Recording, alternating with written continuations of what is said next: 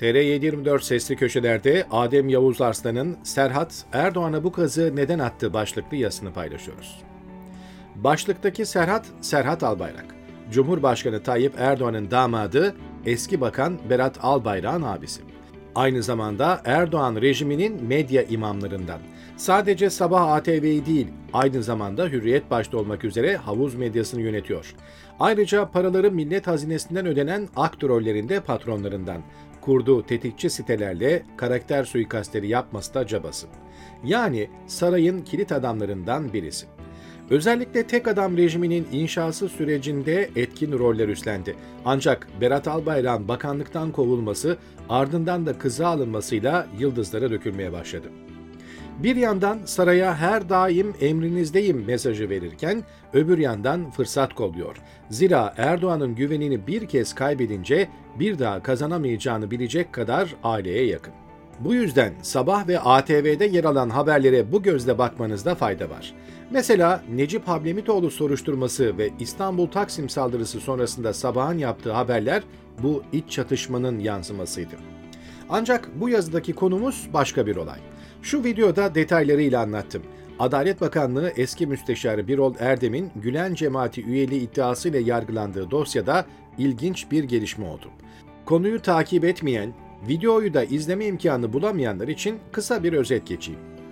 Adalet Bakanlığı eski müsteşarı, HSYK üyesi ve eski personel genel müdürü Birol Erdem, yöneticilik suçlamasıyla Yargıtay 9. Ceza Dairesi'nde yargılanmış ve beraat etmişti. Yargıtay Başsavcılığı karara itiraz edince konu Yargıtay Ceza Genel Kurulu'na geldi ve Birol Erdem burada da beraat etti.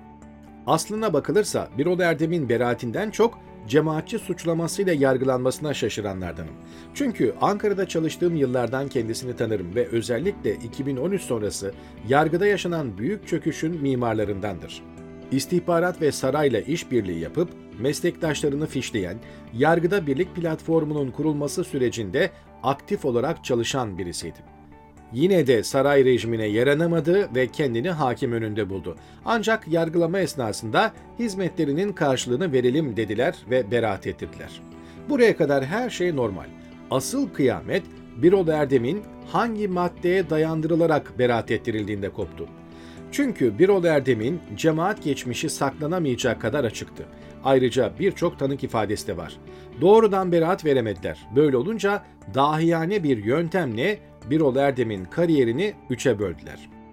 Dediler ki Birol Erdem'in üç dönemi var. 1992-2004, 2004-2010 ve 2010 sonrası.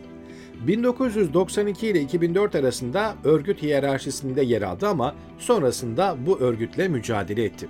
Hal böyle olunca da delil yetersizliğinden beraat ya da suçun manevi unsurunun yokluğu nedeniyle beraat vermek durumunda kalacaklardı. Peki manevi unsur eksikliğiyle delil yetersizliği nedeniyle beraat arasındaki fark ne? İşte milyon dolarlık soru burada karşımıza çıkıyor.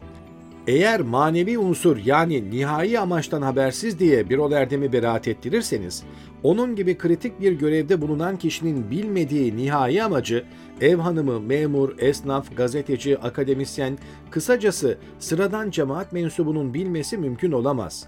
Yani tüm cemaat davaları düşer.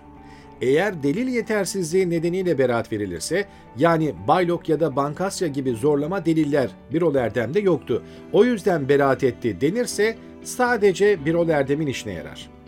Birol Erdem'e beraat verip kararı hiçbir yerde yayınlamadılar. İşte tam bu noktada çok kritik bir gelişme oldu. Sabah gazetesi 5 Aralık'ta Birol Erdem kararının manevi unsur yüzünden beraat gerekçesiyle bozulduğunu yazdı. Sabahın habercilik yapmak gibi bir kaygısı olmadığı malum. Haberin her satırı ince bir işçilik ürünüydü. Manevi unsur yönünden beraatin aleni olması çok kritik. Çünkü Birol Erdem kararına imza atanlar bu kararı saklamayı planlıyordu. Karar alenileşti. Bir başka gelişme ise ertesi gün yaşantı. Enteresan bağlantıları ve ilişkileri nedeniyle şaibeli bir isim olan Zihni Çakır, seri tweetler atarak sabahın haberini teyit etti. Dahası Çakır karardan pasajlar paylaşıp 21 kişiden 19'unun Birol Erdem lehine oy kullandığını ve kararın hangi gerekçeyle onandığını yazdı. Ankara'nın karanlık koridorlarında ilginç bir güç mücadelesi yaşanıyordu ve bu kez devreye bir diğer şaibeli isim Nedim Şener girdi. Şener 8 Aralık'ta yazdığı yazıda kararın onandığını ancak gerekçeli kararı görmek gerektiğini yazdı. Bu dikkat çekici çünkü Yargıtay Ceza Genel Kurulu'nun kararı Ankara'da bazı güç odaklarını rahatsız etmişti.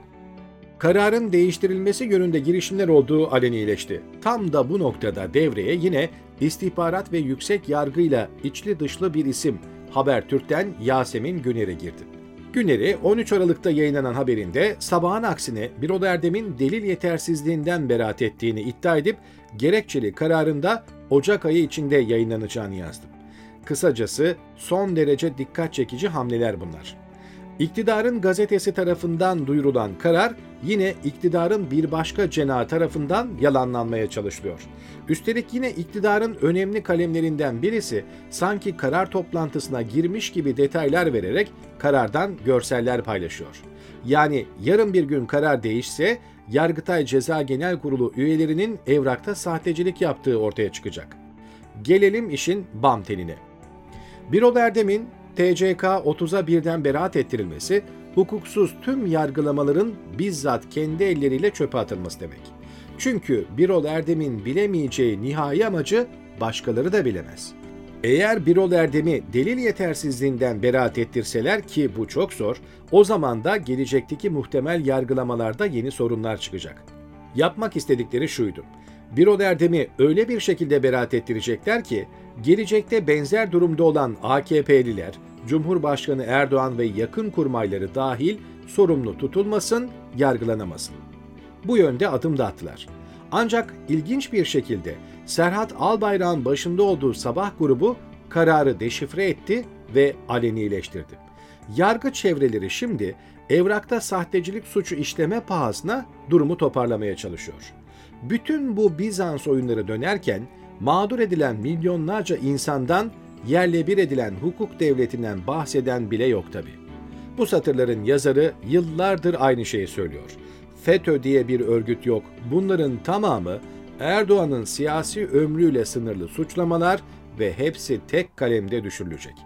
Her şey bir yana, Yargıtay böyle kritik bir kararı saraya sormadan alamazken, Serhat Albayrak'ın başında olduğu medya grubu böyle bir haberi nasıl yaptı?